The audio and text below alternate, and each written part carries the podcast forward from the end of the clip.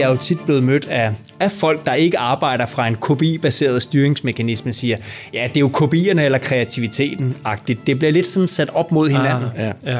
Ja. Og, og jeg har faktisk gjort en dyd ud i at tale i de organisationer, jeg har været ude at sige, jamen kopierne driver os ingen steder som sådan, men de er et nøglemærke, pejlemærke for, om vi faktisk lykkes med vores produkt. Præcis. Om vi lykkes med vores markedsføring. Og på den måde øh, får man jo også talt organisationen ind i, hvorfor KPI er faktisk vigtigt, udover det et eller andet buzzword, man bruger mm. finansielt. Det er faktisk et pejlemærke for, at man lykkes med de kreative ting, man laver i de forskellige øh, gruppering af organisationen eller, eller funktioner, man har omkring sin forretning.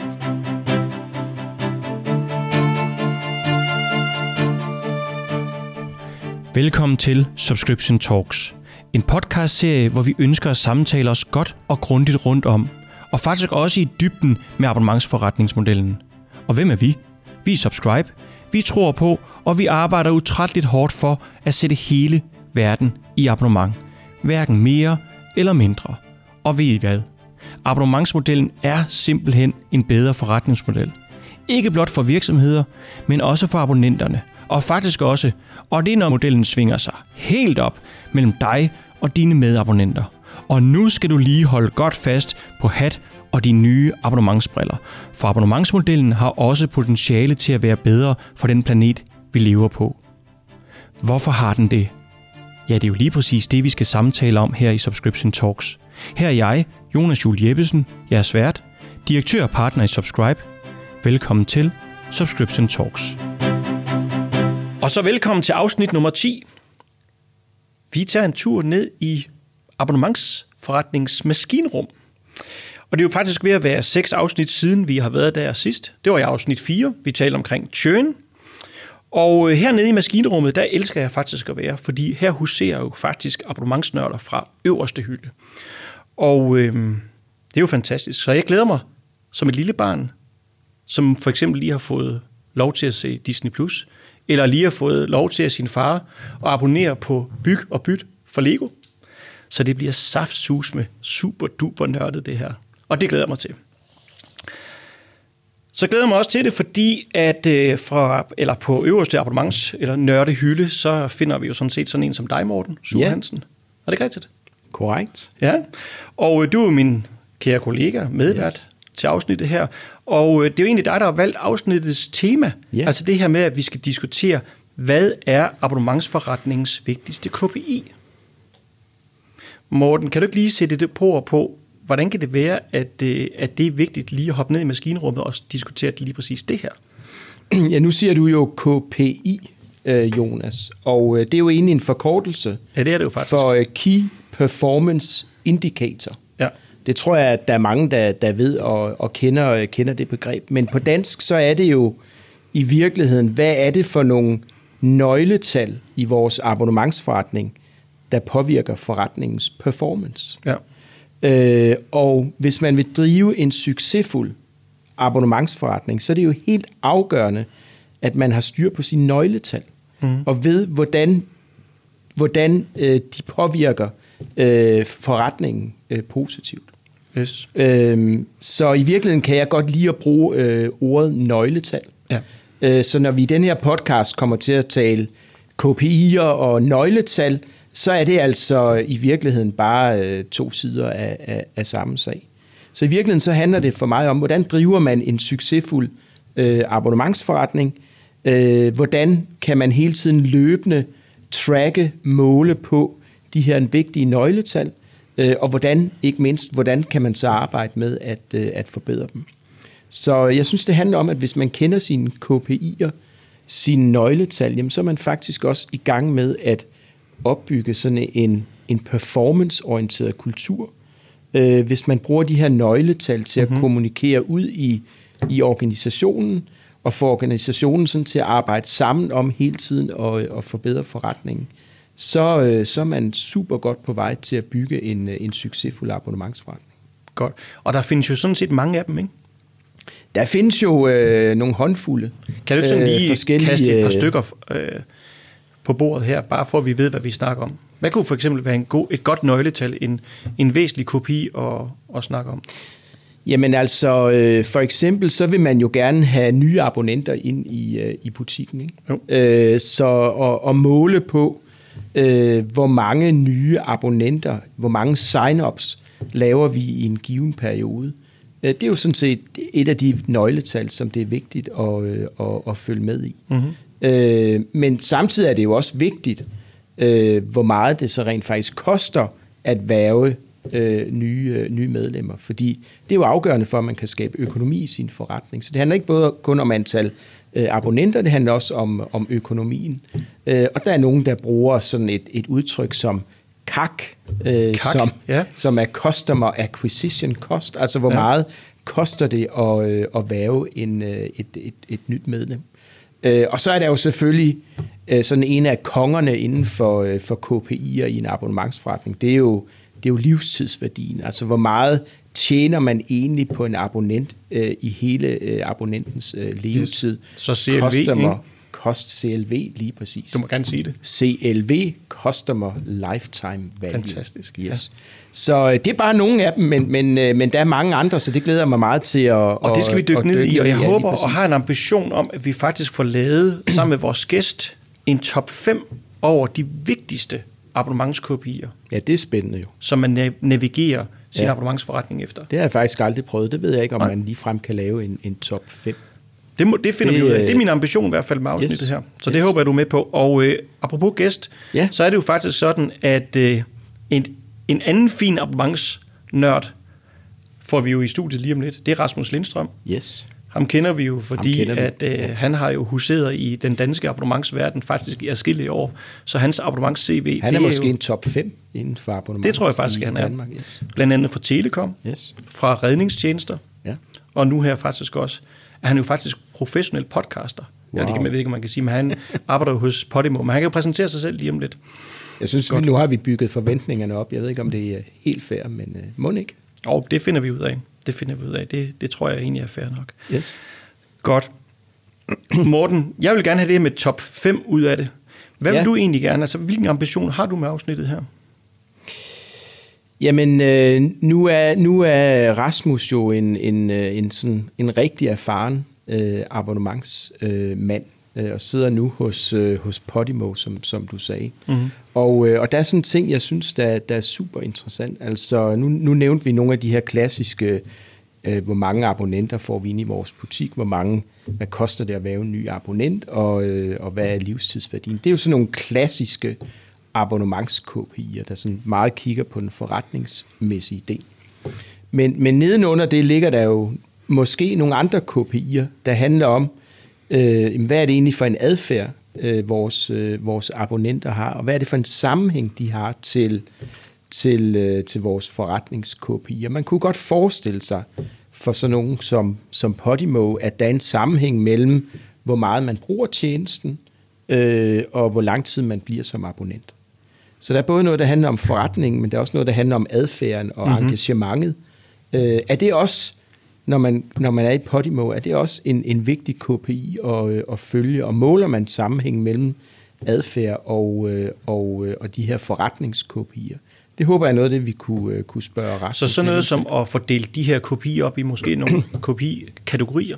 Ja, det, det kunne man måske godt. Ja. ja. jeg, jeg ser også sådan lidt, at der er nogle, der er nogle af de her øh, KPI'er, som er, som er altså, generelle for alle abonnementsforretninger, ja. Men så er der jo også dem, der er specifikke for, øh, for den enkelte øh, forretning. Og det synes jeg er lidt interessant at, at blive klog på, øh, hvordan sammenhængen er på, på den del. Ja. Giver det mening? Det giver mega meget mening, og jeg synes også, det giver mening egentlig nu at så åbne op for Ja da. Rasmus' mikrofon. Han Ja da. sidder her jo sådan set allerede. Så velkommen Rasmus Lindstrøm. Tak skal I have. Hvad hedder det? Vil du lige, inden vi kommer for godt i gang med det her KPI-snak, vil du lige præsentere dig selv, lige ganske kort? Det kan I tro. Øh, god intro, Morten. Tak for den. jeg skal jo prøve at, at fylde ud med mit eget CV. Så. Øh, men øh, jamen, jeg hedder Rasmus Lindstrøm. Jeg er 37 år lidt endnu, gammel. Familiefar, har to døtre, bor lidt nord for København. Og udover det, så er jeg enormt passioneret omkring abonnementsforretning, som mm. jeg selv, og har, har begået mig i den i, i stort set øh, hele min karriere, kan man sige, fra, fra jeg startede efter studietiden til, til nu, hvor jeg sidder i dag. Øh, on-off med lidt sidespring øh, af forskellige andre slags. Men, øh, men man kan sige, hvis jeg lige sådan kort skal sige, hvor kommer jeg fra, og, og hvad, hvad består mit abonnements-CV af, så øh, startede jeg egentlig, man kan sige, der hvor jeg først stiftede bekendtskab med abonnementsforretning, var tilbage i, i konsulent tiden faktisk mm-hmm. også mig selv, management konsulentregi, hvor øh, i, i et kommersielt ben der, øh, arbejdet med, med telekunder faktisk, forsikringskunder, nogle transportvirksomheder, som alle sammen havde de her abonnementsrelaterede eller servicerelaterede forretningsmodeller, som ja. jeg egentlig synes var interessant at arbejde med, med et kommersielt spektrum af forskellige udfordringer og, og ting der. Øh, det fik mig faktisk over i telebranchen, øh, hvor jeg jo har været en, en lang overrække også. Øh, både hos 3 og TDC i forskellige roller, men egentlig arbejdet, kan du sige, på tværs af, af værdikæden omkring abonnementsforretning. Meget omkring retention-arbejde, loyalitetsarbejde, kundelevetid. Du nævnte også et, en metrik om den, den vil jeg også gerne selv komme tilbage til omkring customer lifetime value. Yes. Og arbejde hele det her med kundens levetid, som jo er enormt vigtigt i en abonnementsforretning. Det har jeg arbejdet omkring i Tele. Jeg har også arbejdet omkring det her med at, at værve nye kunder, for at tage den også. Hvad er en, en, en salgs- eller en distributionsstrategi? Hvordan får man egentlig nye kunder til et marked? Hvad for en markedsføringsplan har man, efter, alt efter hvad for en type abonnementsforretning man har? Øh, og, og forskellige typer produkter i, i Telgo i hvert fald der. Og så har jeg også arbejdet på et lidt mere overordnet strategisk niveau, og som strategichef i en periode til DC, som jo handler om, hvis man har multibrand på forskellige abonnementsforretninger, hvordan spiller man så egentlig forskellige typer abonnements-offering value propositions ud mod hinanden i et samlet marked? Og hvad betyder det i øvrigt i forhold til en sådan kanalstrategi og prispunkter mm. og, og levetid generelt set? Yes. Så, så det har jeg arbejdet meget med i mm. televerdenen. Øhm, så smuttede jeg tilbage i 2015, tror jeg det var, smuttede mm. jeg over til redningstjenesten Falk, mm. som jeg tror, vi alle sammen også kender. Det er jo egentlig nok Danmarks ældste abonnementsforretning, tror jeg, vi brystede os lidt af. Så tror jeg altså faktisk lidt, I glemmer, den, der hvor vi kommer fra, Morten, er, uden at vi sådan skal sidde og battle. Ja. Men altså i 1749, vil jeg bare lige sige, der udgav Banske deres første avis. Og det ved jeg ikke, om, om Falk de var på mærkerne på det tidspunkt. Det, øh, den har vi lige overset selvfølgelig i, øh, i Danmarks Hjælp. Vi har ikke promoveret det, vil jeg sige, tilbage i, i Falk-tiden. Men, øh, men i hvert fald... Men mange år på banen. I hvert fald rigtig, sige. rigtig mange år på banen. Også inden der overhovedet blev digitaliseret ting og så videre. Øhm, men har arbejdet i en årrække der frem til øh, ja, 2021, hvor vi er i dag faktisk, øh, med forskellige typer abonnementsforretninger. Det var jo mere nogle vejhjælpsprodukter, nogle sundhedssikringer. Mm-hmm. Øh, man må ikke sige forsikringer, når man har fald. Øh, nogle, nogle førstehjælpsløsninger og andet. Så nogle helt andre typer kunder, end en televerden, kan man sige, har som segmenter. Ja men egentlig helt samme klassiske opgave med at kigge på et abonnementsforretning fra, man får en kunde ind, til man har en levetid, til man skal sørge for at fastholde kunden igen. Ja. Øhm, I forskellige roller der, men sådan som overordnet chef for, øh, for man kan sige, produkter og markedsføring der i, i Falk Assistance. Mm-hmm. Og så sagde jeg tak til et job her, øh, du nævnte det før også, Morten, i, i Podimo, øh, hvor jeg er landechef for, for Podimo Danmark hvor man jo er startet ud, mm. øh, og man er også i en håndfuld andre lande i dag. Men øh, man, man er godt i gang med at, at finde ud af, hvordan vores videre vækstrejse, kan man sige, er i Podimo der, og hvad det netop betyder for vores produkter og indhold, hvordan vi værver kunder, hvordan vi får dem til at blive så lang tid som muligt, osv. Så, vil meget gerne dele lidt ud af, af KPI'er og vores performance uh, reviews, og hvordan vi styrer en forretning generelt set. Både i Podimo, men måske også lidt, hvordan jeg har gjort, eller vi har meget gjort gerne. det i, i Falk og i Telco dengang. Mm. Så kan vi også diskutere, om der faktisk er nogle forskellige måder at gøre det på. Ja, lige præcis. Fordi der er garanteret også nogle kopi-kulturer, ja. Ja. Øh, vi kan kigge lidt på der. Ja, absolut. Allerførst, sådan lige tradition tro, Rasmus. Hvad er dit yndlingsabonnement, hvis det ikke er Podimo? Ja, og der bliver den jo lidt svær. Hvad hedder er det? dit gamle redningsabonnement? altså, øh, åh, det vil jeg jo gerne sige. Men, øh, men, men først og fremmest anede var nok, at I vil stille det spørgsmål. Jeg har jo lyttet til nogle af jeres andre podcast, mm-hmm. og I har jo spurgt det samme igen. Ja. Og jeg kan huske, Morten, fra, fra en anden tid tidligere, der sagde du selv, du var inde og finde ud af, hvor mange abonnementer du faktisk selv havde. Ja, og det gjorde jeg faktisk selv før i dag, for jeg tænkte, wow. for at jeg kunne svare på det, så blev jeg nødt til ligesom at grænske mig selv i, hvad, hvad er egentlig fedt af det, jeg ja. egentlig abonnerer på. Og helt samme aha-oplevelse, som jeg ved, I også har haft, så ja. uh, kunne jeg jo ikke tælle mere til sidst. Altså det var jo også uh, plus 20-30 stykker, tror jeg, hvis ja. man tager på tværs af, af hele vores husstand derhjemme. Ja. Jeg prøvede at kigge lidt ned i dem, og man kan sige, nu uh, tror Jonas, du siger, hvad, hvad, hvad er det fedeste abonnement, kan man sige? Øh, jeg tror, det jeg bruger mest, eller vi faktisk bruger som familie mest i dagligdagen, det, ja. er, det er faktisk også en app-tjeneste, øh, som, er, som er sådan en platform, hvor man kan gemme billeder. Hvor ja. vi gemmer billeder af vores børn, ja. øh, som hedder, øh, hvad hedder den, Lifecake hedder den nu. Mm-hmm. Øh, back then hedder den faktisk nu, de har lige skiftet navn. Okay. øh, det var faktisk Canon, der op, altså det var faktisk meget smart move af dem dengang, ja. der lavede sådan en her. Ah. Øh, og i bund og grund er det en deleplatform af billeder, så kan man sige, at man har jo et hav af sociale universer. Men det, der egentlig er smart ved den her, det er, at det er et lukket univers, vi har for vores egen familie og vores egen tætte venner, ja. hvor vi deler billeder af vores egen børn, og har nogle ret fede features i, hvordan man kan, kan time travel lidt fra, hvor, hvor se udviklingen fra, øh, fra Alba og Augusta, som vores børn hedder, og hvordan de egentlig er. Det er en ret fed deleplatform, en til mange, hvor vi på den måde kan engagere vores egne forældre og andre ja, gode venner ja. i egentlig at følge med der. Og den var egentlig gratis først, men så mange andre tjenester, I ved, når de har fået en kritisk masse på deres base, så begyndte de at, øh, at tage lidt mod betaling. Det ja. gjorde vi glædeligt, fordi det er en del af vores liv faktisk. Nærmest dagligt at uploade billeder af vores børn, som vi jo tager med vores iPhones typisk mm. selv, eller ja, ja. smartphones. Ja. Så, øh, så det er en, jeg bruger rigtig meget. Det er interessant, og det er også interessant det her med at tænke i, fordi man, sådan noget som Canon og nogle af de der andre øh, virksomheder, de må virkelig på deres hardware-side have været udfordret af, at der kommer smartphones med ja. faktisk fantastiske gode kameraer i. Ikke? Ja, så man prøver genopfinder de sig selv, ligesom ja. vi tidligere talte mm. omkring instrumenterne Fender og så videre, så, videre, så laver de Fender Play. Så det er jo sådan lidt Canon Play, det her. Ja, ikke? netop. Og så bygger de så, lyder det til, virkelig noget lige ind i det, fordi de har hele den her dele, altså hele value proposition er jo deleriet. Præcis. Ja. Præcis. Hvad koster det egentlig? Og det, og det her, kan du sige, Canon Moment, eller ja, det var ja. så Kodak Moment, der, ja, ja. der havde den, men du ja. ved, sådan uh, Stories for Life, eller jeg kan ja. ikke huske, hvad ja. deres tidligere payoff er. Den, den er jo faktisk ret fed eksemplificeret i en app, hvor man deler, kan man sige, livshistorier af ja, sine klar. børn og det andet. Så, ja. så harmonerer godt. Jeg kan faktisk ikke huske, at vi betaler på den nu. Jeg, øh, vi har listet bare, en ting var, hvad jeg kunne se fra kontoudskriften, en anden ting var, hvad jeg kunne huske mit hoved.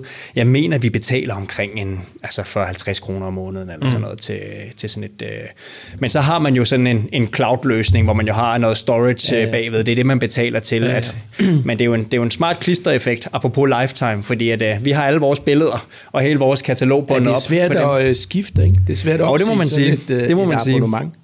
Også fordi I er bundet sammen netværksmæssigt. Netop. Det er noget af det, vi også øh, ofte taler om, Jonas, i sådan et loyalitetsperspektiv. Hvis man kan opbygge netværkseffekter i sin abonnementsmodel, så kan det have en enorm effekt på, øh, på lifetime. Ja. Og så bare lige for definitionens skyld, nu skal vi snakke øh, kopier, men ja. bare for at tage et eksempel, som du kommer med her. Er det en KPI, spørgsmålstegn, at måle på for Canon her, hvor mange forskellige mennesker, som er inde over dit abonnement? Forstår du? Kan I, kan I følge spørgsmålet? Altså er det en KPI mm. for, for Canon, at de tracker på, altså hvor mange der egentlig er inde og kigge på billeder, uploade billeder, og omkring din, jeres account her, jeres, jeres, jeres abonnement. Fordi formodentlig, jo flere der roder rundt inde i jeres, jo sværere er det for jer at komme ud af det, og derfor må det understøtte customer lifetime value. Altså det, det vil jeg absolut vurdere, det er også når jeg kigger på, hvad for nogle features den her platform faktisk har. Har enormt, du ved, simple delemuligheder mm. med, med sin... Uh, med sine peers eller netværk, der er koblet på den her, den sender jo også automatisk, medmindre man slår det fra, mm-hmm. pushbeskeder og e-mails til dem, der er på, på netværket, hvilket jeg jo ved, min, min egen mor eksempelvis får e-mails på, ho, nu er der bobbet noget nyt ind på, på live, jeg må lige ind og kigge. Ja. Øhm, så, så det gør de jo meget ud af. Øh, de skiftede faktisk navn, øh, faktisk fordi de skiftede ejerskab, så Canon har faktisk solgt det her fra. Ah, okay. De har nok ja. fået en god check for det. Ja. Øh, men, men gjorde enormt meget ud af at onboarde til den nye og sikre at præcis, at familierelationen eller hele relationen mm. omkring en profil var intakt og, og lave nogle meget simple steps der. Så der er ingen tvivl om, de ved jo godt, jo flere der er på, limen omkring det her univers er enormt vigtigt. Jeg synes, det for mig er en KPI et styringsredskab ja. for en forretning. Yes. Øh, et nøgletal, ja, selvfølgelig, ja. Øh, eksemplificeret ved det. Men det er et styringsredskab på tværs af forskellige drivers i forhold til at vurdere, om ens forretning går godt eller dårligt på de ting, man måler den på. Det er ikke nødvendigvis produktet i sig selv, altså det er ikke KPI'en, der, der er produktet, forstår mig ret, så det, det er mere en styringsmekanisme, ja. der er vigtigt mm-hmm. at holde styr yes. på. Når vi faktisk øh, både i Falk og egentlig også lidt i, i Podimo her øh, kigger på kopier, så ynder jeg lidt at, at kigge på både sådan fremadskuende og bagudskuende kopier. Ja. Fordi at øh, typisk, når man snakker kopier, så er det jo, nu nævnte du før, hvor mange øh, new users er der kommet på. CLV er jo en oplagt metrik. Det er jo også en, som jeg som forretningsansvarlig bliver målt op på. Du ved, hvad er det for en værdiskabelse, der er per Yes. ny kunde, der kommer. Det er jo en, den er jo helt altafgørende for at vurdere løbende, mm. og er jo summen af alt det, der sker i en abonnementsforretning, lige der, i forhold til den kundebase, man bygger. Så det er i hvert fald en, der er vigtigt, men den er bagudskuende. CAC er også bagudskuende, når vi snakker Customer Acquisition Cost, eller i fald kaldte vi det kost per salg. Mm-hmm. Sådan, hvad koster det egentlig at være en ny kunde med mm. de hænder, man bruger salgsmæssigt på en telefon, eller den markedsføring, man bruger og det andet. Det er en samlet omkostning for en ny kunde. Øh, det er jo stadigvæk en, du skal kigge på for at se, om du er on track i forhold til den ambition, du har. Det samme med produktomkostninger. Hvad bruger du egentlig af omkostninger til at levere den her gode service? Yes. Alt sammen det, man kunne kalde bagudskuende eller sådan lagging-indikatorer, men som er enormt vigtige at kigge på i forhold til, at man kommer derhen, man skal. Mm. Men, men det jeg i hvert fald, og der er vi måske gået lidt ind i sådan, du ved, det her forbrugsadfærd og andet også, hvis du skal kigge på sådan fremadskuende faktorer, sådan leading indicators, tror jeg endda, der er sådan i, i engelske termer, det bliver brugt, så er det mere forbrugsadfærd netop. Kan vi se, at, at kunderne faktisk bruger det produkt, man har? Fordi at der er en ret stor, i hvert fald alle de steder, jeg har været, har vi analyseret os frem til, der er en ret stor korrelation mellem dit forbrug af en abonnementsservice i forhold til den levetid, du har, og dit engagement og i øvrigt at promovere servicen til andre. Apropos, vi snakkede om netværkseffekten af det også. Så det er en leading kopi i forhold til forbrugsadfærd, hvorfor det også er en forretningsaktivitet, både i Podimo, den kan jo komme tilbage til, hvordan vi gør det, men også mm. har været i Falk og TDC, og stimulere adfærd hele tiden. For stimuleret forbrug af det produkt, man har. Men, ja, men det vigtige, du siger her, det er jo, at der skal være en sammenhæng Ja. mellem den her indikator Ja. og så forretningsperformance i forhold til for eksempel CLV, hvis det er det, man måler på. Fordi ellers er det jo lidt, lidt, altså, lidt lige meget, I skal kunne måle, at der er en sammenhæng mellem, jo mere man forbruger, jo højere CLV, for eksempel. Absolut. Og Absolut. så er din pointe, at man kan ikke direkte påvirke CLV. Altså man kan ikke gå på, på, på arbejde om morgenen og sige, nu vil jeg løfte Det er et resultat. Det er et resultat. Præcis. Øh, men du kan påvirke øh, dine kunders øh, Adfærd. adfærd. Netop. Og for, så ved du så historisk set, at den adfærd vil påvirke også din øh, for eksempel CLV fremadrettet. Ikke? Ja. Så, så det, er sådan, det, det, er, øh, det er det her hierarki, der i virkeligheden Ja, Lige præcis. er, øh, øh, kan man sige. Men, men I får det Ja. ja. til at lyde som om, at ja, I siger jo, at det er vigtigt, at der skal være en direkte sammenhæng. Så er det en kopi. Ikke? Der skal være en direkte sammenhæng, til, til performance. Til- det er jo til derfor, hedder Key forretningsperformance. Performance Ja. ja. Indicator. Yes. yes. Men når, når I siger det så udtrykkeligt, så må det være fordi, at I nogle gange oplever, at der ikke er en direkte sammenhæng. At man måler på ting, som ingen sammenhæng har. Er det rigtigt? Ja. Absolut. Ja. Og så er det ikke en kopi. Men prøv lige at give et eksempel på det, så, fordi det kan være med til at lige at præcisere definitionen, at vi også lige kigger på noget, der falder udenfor. Jo, men altså for eksempel, så har jeg jo, øh, altså så der er jo, øh, i hvert fald når jeg sådan kigger tilbage historisk, så har man jo øh, i, i mange abonnementsforretninger målt på sådan noget som kundetilfredshed, for eksempel. Mm-hmm. Det kunne man jo godt sige, det er jo en KPI. Det kunne være en KPI, hvis øh, jo mere tilfredse kunderne udtrykker de er, øh, jo, jo længere tid bliver det. Det har bare vist sig øh, mange af de steder, hvor jeg har været historisk svært at måle på. Ja. Øh, og så er det jo, Altså så er det jo en falsk... på øh, nej, måle på sammenhængskraft, sammenhæng. korrelation. sammenhæng. Ja, ja, der er ikke nogen sammenhæng mellem, hvor tilfreds man er, øh, og hvor lang tid man bliver i en, en forretning. Det kan være et marked, hvor, hvor, man, øh, hvor, anke- hvor, altså, hvor involveringen er så lav, at lige så snart der er en konkurrent, der kommer med et bedre tilbud, så smutter man bare det over. Ikke? Så Men jeg bliver tror, det, falsk afhænger KPI. meget af markedet og industrien Ja, selvfølgelig fuldstændig, også. Ja, det gør det nok. Det gør det nok. Ja, for Så- jeg kan huske, i gamle, nu, nu sagde vi det her med aviserne før, ikke? Altså, der var jo, der var jo abonnenter på Weekendavisen, som elskede Weekendavisen, fordi de havde det, og var meget, meget utilfredse med Ulrik Høj. Ja, Ikke? præcis. Jo. Så, så det var en del af deres engagement. Så, så, så, mm. og, og, og synes, at han var simp- det var simpelthen for meget. Så derfor elskede de avisen, ja. fordi han var der. Nå, ja. men altså, det er vigtigt det her med den direkte sammenhæng. Ellers er det ikke en kopi. Fuldstændig enig, og jeg synes, Morten, du udtrykker det. Det, det vigtigste, det er, det er at finde ud af, når vi snakker om de her ja, leading kopier, som for eksempel kundetilfredshed er. Net Promoter Score er jo også et begreb relateret ja, ja, til kundetilfredshed, ambassadør score ja, ja. osv. Og, og de har kun en værdi i de tilfælde, hvor man kan påvise, at ja. der er en direkte effekt på din ja. levetid, ja. eller nogle af de andre, kan du sige, bagudskående performance-metrikker. Yes. Hvis der ikke er det, så er det faktisk et forkert styringsværktøj at kigge på. Og mm. det er nok det, der er essensen i det for mig at se også. Jeg har dog også oplevet, at der er, jeg har også fundet korrelationer, vil jeg sige, mellem heldigvis, ja, mellem kundetilfredshed. Ja, ja, naturligvis. Øh, Bare ikke i alle tilfælde, eller, eller i alle markeder, ikke i alle tilfælde. naturligvis. Og det er klart sådan nogle serviceabonnementer, ja. ikke, hvor, hvor du abonnerer på en service. Altså, så er du også nødt til at være, være tilfreds. Ja. Og der, det er jo må, måske inde i sådan nogle områder der, hvor, de, hvor det kan være gyldige kopier at kigge på tilfredsheden. Mm.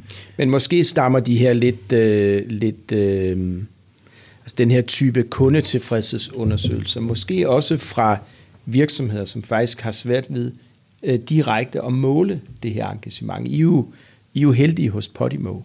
I, har, I, I er en digital forretning. Ja. I har jo tal og data på alt. Det har man jo ikke nødvendigvis på en rednings, hos en redningstjeneste. Eller et avisabonnement, Nej, dengang det var på papir. Mm. Der kunne du faktisk ikke se, om folk læste den avis, der dumpede ind derhjemme. Og så var man nødt til at, øh, at opfinde sådan nogle, nogle andre indikatorer. Der er det klart, at I har, I har en kæmpe fordel ja. øh, med, øh, med mængden af, af data. Ja. Yes. Hvad, hvad, Rasmus, hvad har sådan været den mest effektive, eller de mest effektive KPI'er, nøglepunkter, nøgleområder, som, som du, har, du har ledet dine abonnementsforretninger efter eller med? Jamen, øh, altså, nu snakkede du også om grupperinger af KPI, og det kunne jeg faktisk godt tænke mig at komme tilbage til også ja. om lidt igen, mm. fordi at, at KPI'er, og det synes jeg også er vigtigt at huske på, det er et styringsværktøj, som jeg også sagde før, på forskellige niveauer i organisationen faktisk ja. også. Så, så der er jo også forskel på, hvad for nogle kopier eller målepunkter, man snakker med en direktion omkring, for eksempel. Mm-hmm. Så, så hvad er det for en, en, en, en... Og det er blandt andet CLV, det er, det er jo også overordnet PRL-metrikker, som jo også er altså i forhold til, tjener vi penge, hvordan er yes. vores indtjeningsevne osv. Mm. Øh, så, så det er et en type metrikker der, og så er der jo en helt klart anden type metrikker, der er helt indarbejdet i et CM eller loyalitetsteam, eller et salgsteam, eller ja. et marketingteam i forhold til, og det er måske tilbage til de her, hvad er det for nogle målepunkter, der skal for en aktivitet, et, to eller tre, sige, om vi er på rette vej. Ja. Men det, der er ret vigtigt, øh, når vi snakker kopier, man kan ret hurtigt, specielt i en abonnementsforretning, også sådan uh, tabe besendelsen lidt i kopier. Det kan blive meget KPI'er for KPI'er, og vi må have nogle KPI'er for at kunne måle på tingene. Og yes. der har jeg faktisk oplevet nogle gange, og øh, synes jeg også er vigtigt at have med, når vi snakker KPI'er nede i maskinrummet her. Jeg har oplevet nogle gange, og det er typisk, når man har sådan nogle deep dive sessioner på, og der er noget, der ikke virker godt i forretningen. Det kan være salgsmæssigt, det kan være loyalitetsmæssigt, mm. eller det kan være produktmæssigt. Altså dykker man ned i det, så finder man jo ud af godt, hvor går det galt, så hvad skal vi så finde ud af, hvad vi skal måle på, for at det går bedre. Og, og, og der er det altså rigtig vigtigt, hvis man, øh, og et eksempel på det kunne være, at, øh, at man ser en kundeafgang, der lige pludselig stikker af. Mm. Så skal man jo finde ud af, hvorfor gør den det? Fordi vi har egentlig ikke ændret vores produkt, og vores markedsføring er egentlig måske lidt den samme, som den var i går. Øh, så, så, så hvad sker der lige her? Så bliver du nødt til at finde ud af, om det er en del af dit, din produktleverance, eller om det pludselig er en eller anden historie, der er skabt omkring dit produkt, eller hvad det er. Og så har du en tendens til at måle efter når det er gået galt der, fremadrettet også. Så pludselig kan du altså ved at, at arbejde KPI-baseret, afle mange nye KPI'er, alt efter hvad for nogle mm. problemstillinger mm. du har. Og, og det her, det siger jeg egentlig for at sige, det er vigtigt, når man arbejder med KPI'er, hvilket jeg selv er stor fortaler for, at man tillader sig at dykke ned og også, kan du sige, opfinde nye styringsrelaterede kopier, men også tillade sig selv at droppe dem lidt igen, når problemet er løst, hvis mm. I forstår, hvad jeg mener, Absolut. og komme op til overfladen. Ja, ja. Fordi at, øh, at ellers så kan, man, øh, så kan man ret hurtigt blive øh, lost in translation af, af forskellige rettede metrikker. Ja, ja. Øhm, ja, og der kan også godt ske, det har vi jo oplevet rigtig, rigtig meget, også os selv i vores egen praksis, at fordi det kan måles, så er det interessant. Ja. Men du siger netop noget interessant, noget godt omkring det her med, at det skal være leading for forretningen. Ikke? Det skal lede forretningen, det skal motivere til, at vi gør de rigtige handlinger for forretningens skyld. Og ikke bare fordi vi kan måle det, eller synes det er sjovt at få det sat op i Excel, eller noget Power, BI-værk af en eller anden størrelse. Ikke? Og der er vi jo ja. tilbage til ordet key i KPI. Altså det er ikke bare en performance indicator, det er en key performance indicator. Ja. Ja. Altså det er de vigtigste, øh, dem der påvirker forretningen øh, mest. Ja. Og der skal man ikke have 100, øh, der skal man måske have 5 eller 8. Men, men et, et, et sjovt aspekt, synes jeg, nu arbejder jeg jo selv i Podimo i dag, hvor der er en blanding af meget kreative folk og, og, og forretningsorienterede folk, og, og det har det jo egentlig også været i, kan man sige, man har tit et samspil af nogen, der er meget produktnære og leverancenære på, på den ydelse, man tilbyder, og andre, der er meget, øh, kan man sige, har en opgave i forhold til at få kunderne ind, eller holde på kunderne osv. Mm. Og jeg synes, det er ret vigtigt, når vi snakker KPI'er, at det er jo ikke KPI'erne, der driver forretningen. Og det er tilbage til det også selv. Det er stadigvæk et godt produkt eller en solid tjeneste, der gør, at kunderne har lyst til at komme tilbage yes. med den rigtige prissætning, med de forskellige komponenter omkring offeringen og value-propositionen, du har. Det er det, der virkelig gør, om du har en produkt eller service uanset om man er en konsulentvirksomhed, mm. eller man er en podcasttjeneste, mm. eller man er en redningskoncern. Det er det, der skal spille og virke øh, på en eller anden måde. Men KPI'erne, og, og grunden til, at jeg siger det her højt, det er, fordi jeg er jo tit blevet mødt af, af folk, der ikke arbejder fra en KPI-baseret styringsmekanisme, siger, ja, det er jo KPI'erne eller kreativiteten-agtigt. Det bliver lidt sådan sat op mod hinanden. Ah, ja. Ja. Ja. Og, og jeg har faktisk gjort en dyd ud i at tale i de organisationer, jeg har været ude at sige, jamen kopierne driver os ingen steder som sådan, men de er et nøglemærke, pejlemærke for, om vi faktisk lykkes med vores produkt, Præcis. om vi lykkes med vores markedsføring. Og på den måde øh, får man jo også talt organisationen ind i, hvorfor KPI er faktisk vigtigt, udover det et eller andet buzzword, man bruger mm. finansielt. Det er faktisk et pejlemærke for, at man lykkes med de kreative ting, man laver i de forskellige, øh, kan man sige, gruppering af organisationen eller, eller funktioner, man har omkring sin forretning. Så har du oplevet nogle steder, hvor øh, KPI'erne faktisk har fået folk til at, at, øh, at mødes eller samles på tværs omkring øh, en fælles retning for, for virksomheden? Det har jeg absolut. Øh, altså CLV-begrebet, nu nævner vi det, den, den ja, ultimative ja, værdiskabende yes. KPI, det synes jeg faktisk er en nøgleparameter, man som, som leder, i hvert fald hvis man har med en organisation, der går lidt på tværs af værdikæden, mm. øh, fra en kunde kommer ind til han slutter igen, øh, kan samle folk. Fordi at hvis du kigger på, hvad en CLV-KPI består af, det, det er jo en beregning af, hvad koster det at få en kunde ind, hvad for en omsætning får vi fra en kunde i den levetid, han er her? Og hvor lang tid er kunden her i øvrigt? Mm. Hvad for nogle omkostninger har vi til, til kunden i løbet af hans levetid, alt yes. efter hvad for et produkt eller tjeneste han forbruger eller hun forbruger? Mm. Øhm, og man kan sige, at de fire metrikker, det er, der tror jeg, dækkede det meget godt ind. Mm-hmm. Øh, de repræsenterer jo hver især forskellige funktioner, der føder ind til det. Ja. Det goes without saying, at det er en salgsorganisation, der skal være yberfokuseret på, om man kan få kunder effektivt ind til den pris, man nu kan tillade sig at få en kunde ind til. Mm.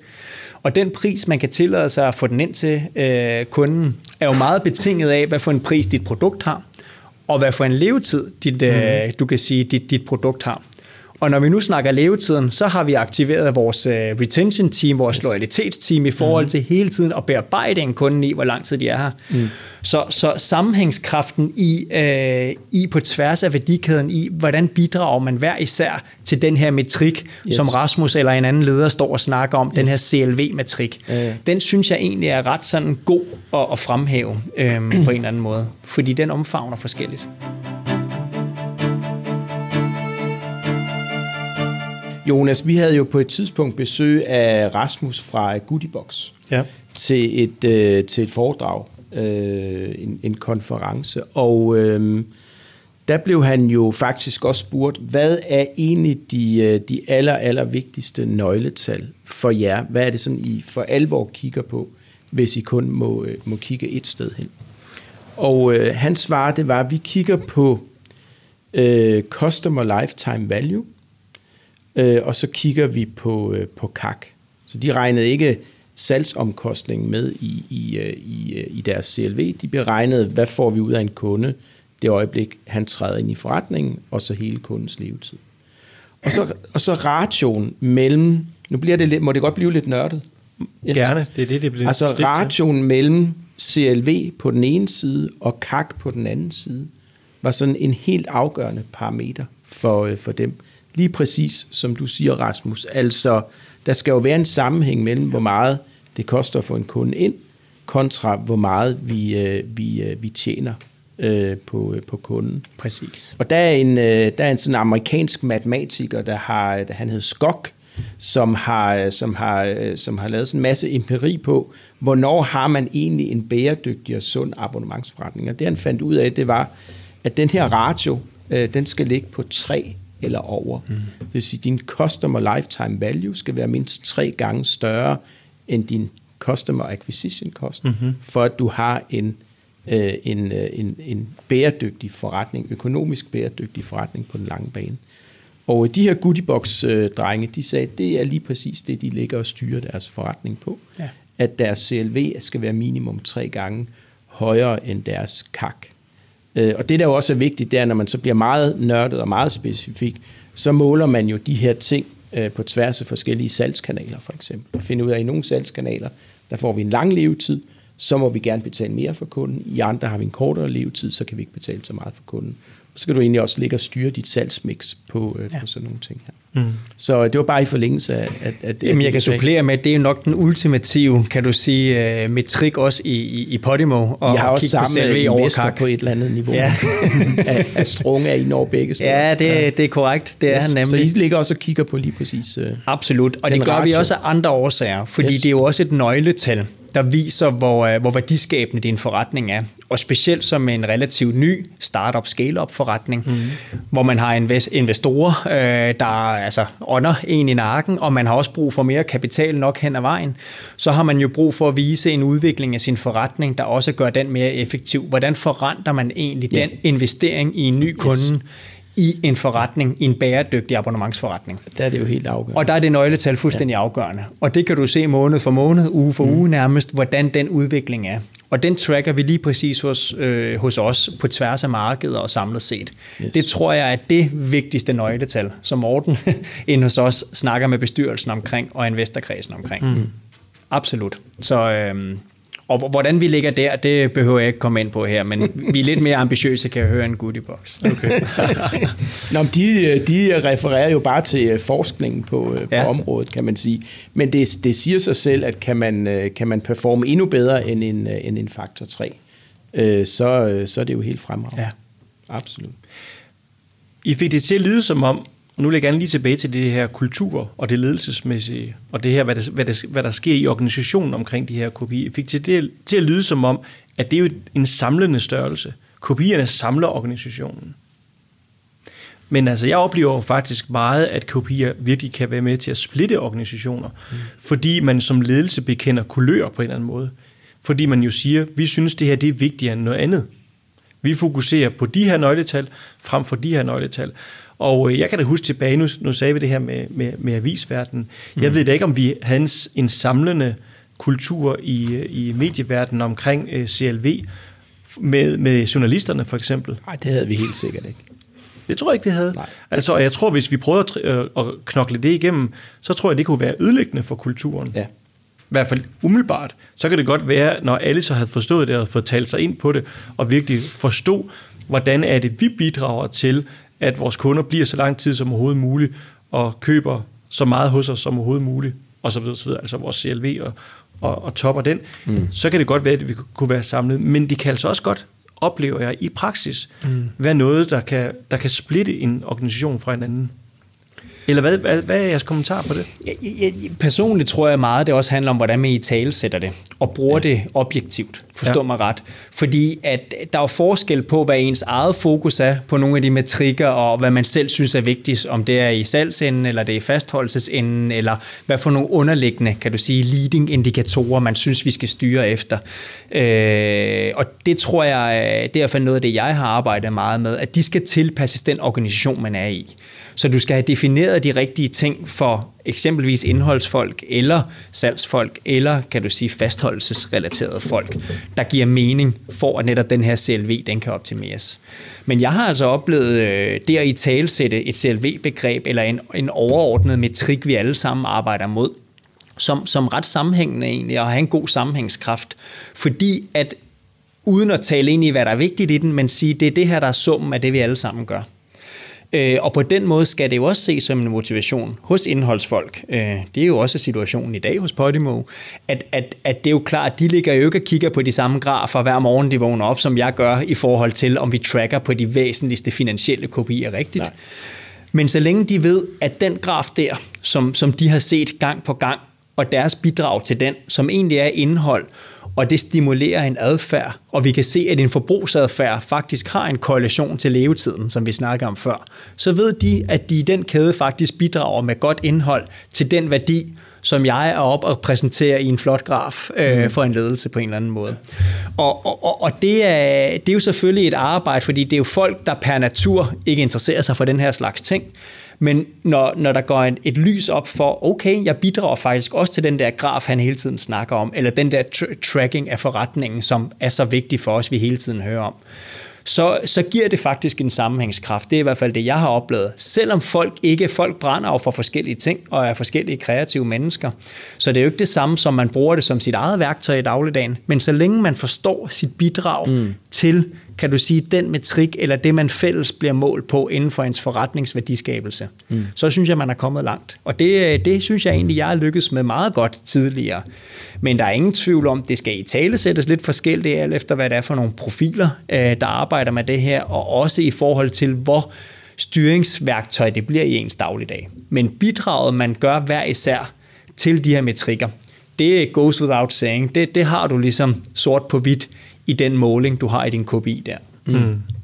Okay. Præcis. Så det er også hele det her oversættelsesarbejde. Netop. Altså, og så kan det jo være, at der er nogle enheder af forretning, hvor man faktisk ikke gider kalde det for en KPI, fordi ordet i sig selv, det kan være frastødende. Det er rigtigt. Men altså, derfor motiverer det, man så kigger på og er optaget af, op mod en eller anden form for fælles kopi alligevel. Men, men man men, laver men, nogle men, oversættelser ned igennem, eller hvad? Jo, men der er også et hierarki i det her. Ja, altså, det øh, i virkeligheden, så skal en, en, en hver virksomhed eller organisation øh, jo have en eller anden øh, vision. Øh, måske endda et højere formål. Og øh, det, skal jo, øh, det skal jo omsættes i sådan nogle strategiske målsætninger. Øh, vi vil være verdens største podcast-tjeneste. Kunne jo for eksempel være mm. et mål. Ikke? Eller vi vil have 100 millioner abonnenter om, øh, om 10 år, kunne være et mål for, øh, for Podimo.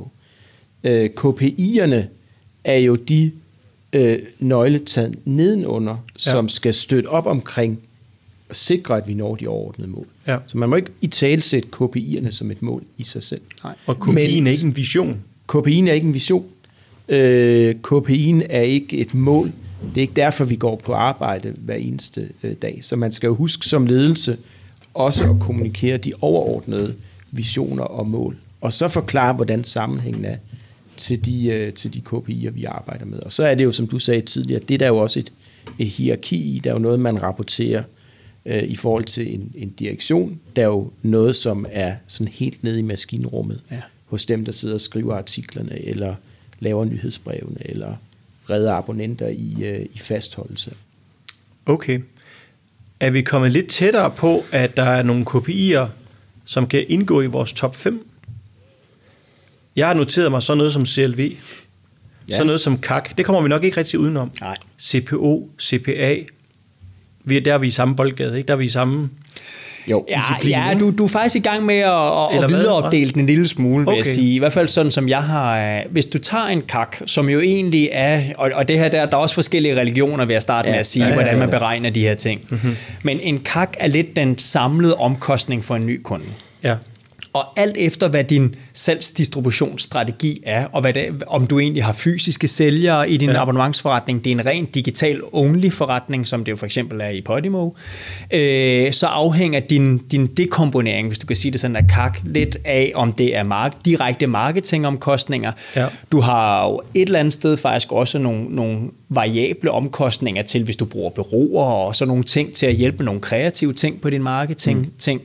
Du har også typisk, hvis du har et callcenter, nogle callcenter-omkostninger ved at, at lukke et salg, hvis de skal ringe ind til et telefonnummer eller ja, ja. noget. Øh, så du kan sige, at den er egentlig dekomponeret ved forskellige underliggende kakmetrikker der føder Aha. op til den samlede akquisitionsomkostning. Okay. Og for eksempel, nu nævnte du lige CPO. Det er typisk et tal, jeg marketingmæssigt har brugt. For ja. kost per order, det handler om at skabe trafik ind til en ordre på, ja. en, på et webside for eksempel.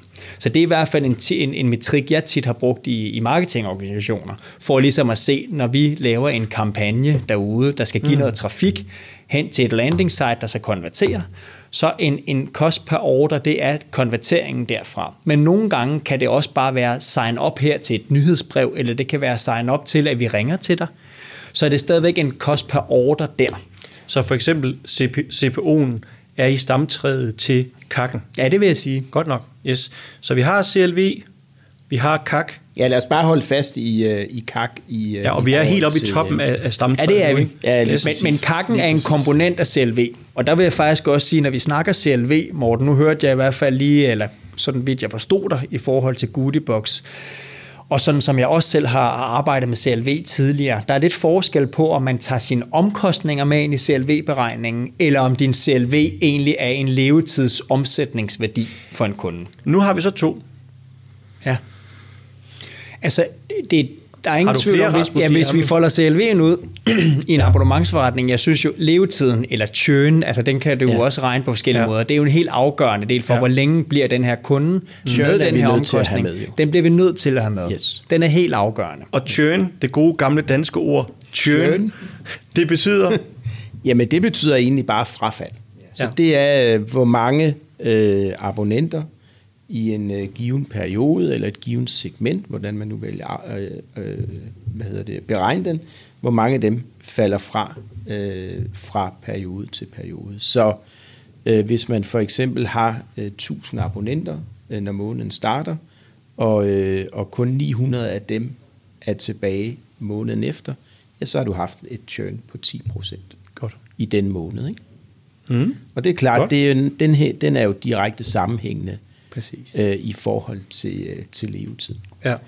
Det, der så gør det, altså churn er jo virkelig et, øh, et stort og komplekst og spændende begreb, så det, det, kan, man jo, det kan man jo tale øh, længe om. Det, der jo er interessant ved churn, det er, at den er jo, den er jo typisk variabel over tid. Ja. Øh, det vil sige, at churn er højere for en helt ny abonnent ja. kontra øh, en abonnent, der har været øh, hos dig i længere tid.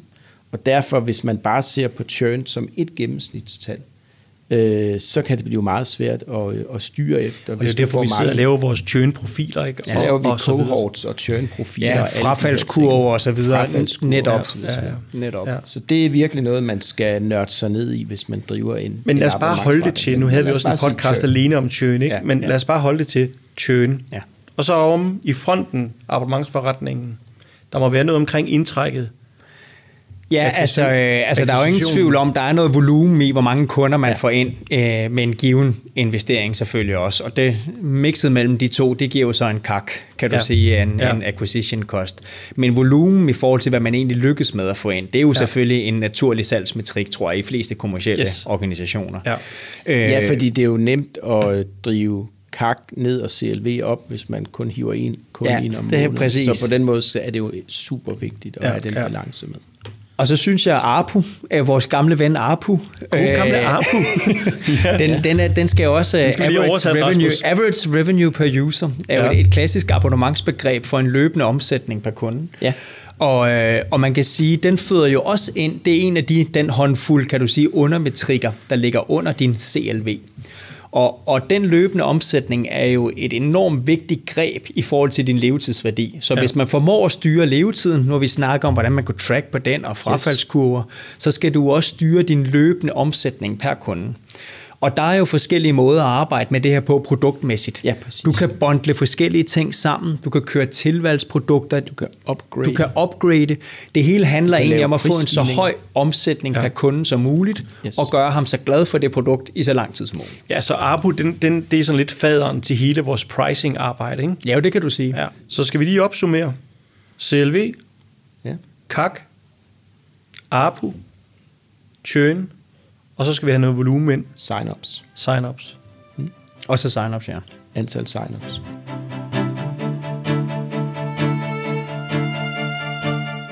Her på falderæbet, så kunne jeg egentlig, så kom jeg til at tænke på i, i min forberedelse til det her afsnit, om øh, det her med verdensmålene, om det er interessante og væsentlige KPI'er for abonnementsforretninger.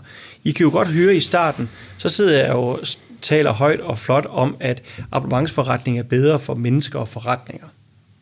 Og faktisk også, når abonnementsforretningen flyver sig helt op og alt det snak der, mm. har potentiale til også at være bedre for planeten. Og de her, de her verdensmål handler jo omkring, øh, det er jo nogle planet, fælles planetkopier, har jeg nogle gange hørt mig selv sige til nogle foredrag. Men så sidder jeg og bliver lidt usikker, Morten, fordi du snakker lidt omkring det her med målene. Det er jo netop ikke KPI'er. Mm. Kan vi ikke lige prøve at tage lige og runde af her på falderæbet omkring, om man skal have verdensmålene med inden som essentielle nøgletal i sin abonnementsforretning? Morten, du må gerne starte. det, hvad siger, jeg du, til, hvad siger du til den, Morten? Rasmus skulle starte på... Øh, og jeg er glad for, at jeg spørger. Ja, du er glad for, øh, for at du spørger. Hmm. Altså, øh, ja, umiddelbart vil jeg jo sige nej ud fra, øh, fra samme logik ja. som, øh, som tidligere. Hmm. Øh, nemlig, at, at det, er jo nogle, det er jo nogle højere mål øh, end, øh, end, øh, end vores Key Performance Indicators, som jo mere er de her styringsredskaber, som, øh, som du sagde. Så vi kan jo sagtens have en, øh, en målsætning om, at vi med vores øh, med vores øh, abonnementsforretning vil være med til at, øh, at skabe en, øh, en bedre verden. Og så kan vi jo nedunder definere, hvad er det så for nogle indikatorer, der bringer os et, øh, et skridt i øh, Men i kan man ikke godt, hvis man nu sidder som, som for eksempel Apple, og øh, de har jo, de har jo iPhone-abonnementer i USA. Man kan abonnere på den nyeste iPhone. Kan de godt måske se noget sammenhæng mellem jo mere bæredygtige materialer de benytter sig af i deres produktion, jo længere bliver abonnenterne. Eller hvad? Altså, jeg, jeg, eller det kan de måske Mit take på, på dit spørgsmål der, øh, Jonas, det er, at, at det er nok lige så meget produktet eller servicen, som måske egner sig til abonnement, der kan relateres til, at du kan have et højere formål. For eksempel, ja, nu nævner du, hvis, hvis Apple for eksempel tænker, vi har dyre telefoner, du kan køre en abonnementsservice på telefoner, vi kan måske endda selv, du ved, refurbish den bagved og, mm. og sørge for at have et økosystem omkring det. Så er det klart, så har du en value-proposition i dit produkt, en, en ydelse, ja. der bliver faciliteret af en abonnementsmodel, men som egentlig har et formål i ikke bare at forbruge mere af den samme yes. ting. Ja. Et andet eksempel er jo også måltidskasser, hvor man ja. kunne sige, at i et eller andet omfang er der måske også noget madspilsreduktion, hvis man, du ved, har ja. de rette ting, for, for brugt sit, øh, du køber ind efter, hvad mm. det er for en type måltid, du har, og egentlig øh, lever i det, kan du sige, øh, dagligdags øh, centricitet omkring det. Ja, ja. Så på den måde, delebil... Altså årstidernes madspilsprocent er jo er jo en vigtig del af deres, ja. øh, både deres, altså i virkeligheden, deres eget formål for at lave den her virksomhed, og som en del af deres value proposition ja, lige over imod øh, kunderne. Men det er jo nok ikke en metrik, der direkte påvirker øh, abonnementsforretningen. Og så er vi måske Nej. tilbage og, og, og, og, og i tale sætter og understreger, hvad er KPI og hvad er det ikke. Ja. Ikke også? Ja. Så når vi sidder og snakker om verdensmålene her, så er det, fordi de sorterer op under, det er jo på formålsniveau, det er på visionsniveau. Og det her, det er, ja. det her, det er nøgleindikatorer for, om vi bevæger forretning i den, altså det er navigationsudstyr yes. ja. i forhold til at nå de her ordnede formål. Ja. Godt. Men min afsluttende kommentar til det, Jonas, det er, at der er, det er min personlige holdning, at abonnementsmodellen kan være med til at hjælpe forretninger, der gerne vil tjene det højere formål deleøkonomiske modeller, som typisk er abonnementsbaseret på, på transportation osv., man ser mm. på car sharing. Vi har nævnt måltidskasserne og andet, så der er ingen tvivl om, at en abonnementsmodel kan være en forretningsmodel, der kan hjælpe forretninger, der har den type formål. Mm. Men det er nok ikke abonnementsmodellen i sig selv, af mit take, der, der egentlig gør noget Nej, så den har potentiale til Den har potentiale til at hjælpe, Godt. Mm. facilitere. Rasmus, tusind mange gange tak, fordi at du vil deltage og dele ud af dit nørderi inden for de her kopier. Vi fik jo sammen faktisk produceret vores top 5. Ja. Ikke også? Det er jeg rigtig godt tilfreds med. Mm. Og super godt tilfreds med, at øh, jeg i introen sagde noget omkring, at vi ville finde folk fra den øverste abonnementsnørde hylde. Det gjorde vi. Sikkert dog, I sige. bare ikke kunne stoppe igen nærmest, da vi først var kommet i gang. Så tusind tak for det, Rasmus. Jamen, velkommen. Morten, hvad står du egentlig tilbage med efter vores øh, KPI-snak med Rasmus, og vi står her med vores top 5? Hvad står du tilbage med? Vi står tilbage med vores ja, top 5, vi ikke? står jo tilbage med, øh, med, med top 5. Og øhm, det, der er interessant ved den, det er jo, at det er en generisk top 5 øh, for alle abonnementsforretninger. Ja. Øh, så, så det er jo super interessant at konkludere, at man, man faktisk kan det. Øh, samtidig skal man jo så huske på, det vi snakker med, med Rasmus også, at, øh, at øh, de kan jo ikke stå alene, øh, fordi det er jo super godt for eksempel at måle churn i sin abonnementsforretning, men det er jo lige så vigtigt at finde ud af, hvad er det så for nogle underliggende faktorer, der driver churn. Ja. Øh, hvad er det, der påvirker churn? Hvad er det i øh, forbrugernes adfærd, øh, den måde, de bruger dit produkt på, der driver churn? Fordi det er jo ikke nok at måle den. Det vi gerne vil, det er jo at, at forbedre og optimere. Øh, Og der er vi nødt til at finde ud af, hvad, hvad det er, der driver churn. Øh, hvad det er, der driver indtræk. Hvad det er, der driver levetiden Mm. i, øh, i vores øh, abonnementsforretning. Ja. Øh, så, så, øh, så det, at vi har defineret den her top 5, øh, er et godt sted at starte for enhver abonnementsvirksomhed, men, men at man er nødt til at gå skridtet videre øh, for at finde ud af, hvad er det så, der driver, øh, driver den underliggende øh, Ja. performance. Ja, ja, Øh, fordi der kan være nogle variabler i forhold til ens value proposition, ja. Som, som gør, at man har nogle unikke KPI'er for en given forretning. ikke? Ja, lige præcis. Og jeg synes også, det var interessant det her med, at Rasmus folder det her ud, at der kan være perioder, hvor vi prøver at problemløse nogle ting, hvor vi er nødt til simpelthen lige at, at finde ud af, om der er nogle andre nøgleområder, vi skal måle på, og derfor ja. optimere på. Og når vi så har gjort det, Ja. så sørg for at få dem lukket ned igen. Ja. og så vende tilbage, fordi der er sådan en hierarki, Der er hvor man kører lidt op præcis. og ned øh, i præcis. forhold til det. Ja. Og så står jeg tilbage med, øh, øh, hvad jeg egentlig også øh, havde med mig, inden jeg kom i, øh, i dag. Altså, det er ekstremt vigtigt øh, for enhver abonnementsforretning øh, at opbygge den her, øh, den her øh, KPI, øh, måling og opfølgning. Øh, og hele Kultur. tiden kulturen og den performanceorienterede kultur. Og sørge for, at vi hele tiden arbejder med, hvordan kan vi øh, forbedre vores øh, performance. Og øh, det, det virker jo egentlig meget banalt, når man, når man siger det mål på din forretning, finde ud af, hvad der driver den, bygge en kultur for at forbedre og optimere den. Vi ser bare igen og igen og igen, øh, at, det, øh, at det ikke er tilfældet. Selv i store, modne abonnementsforretninger kan man arbejde meget, meget mere øh, systematisk med hele den her performance management øh, kultur. Men lige så vigtigt er det jo, hvis man starter op øh, helt fra bunden med en ny abonnementsforretning. Øh, forretning. og der vil jeg egentlig anbefale, at man tager vores top 5. Ja. Sørg for at sætte et system op for at måle det fra, øh, fra dag 1, øh, fordi så bliver man klog fra dag 1 og klogere undervejs og finde ud af, det jeg gør, det påvirker min forretning i, øh, i den her retning. Så, øh, så start med vores top 5, og så, øh, og så vide, at det er et arbejde, der aldrig nogensinde stopper igen. Præcis. Og så husk på det her med, at det er størrelser, som har en direkte sammenhængskraft til at flytte forretningen i den retning, man gerne ja. Vil. Præcis. Godt. Spændende. Mega spændende. CLV, CAC, Sign Up, ARPU og Churn. Churn. Lige præcis. Det er vores top 5.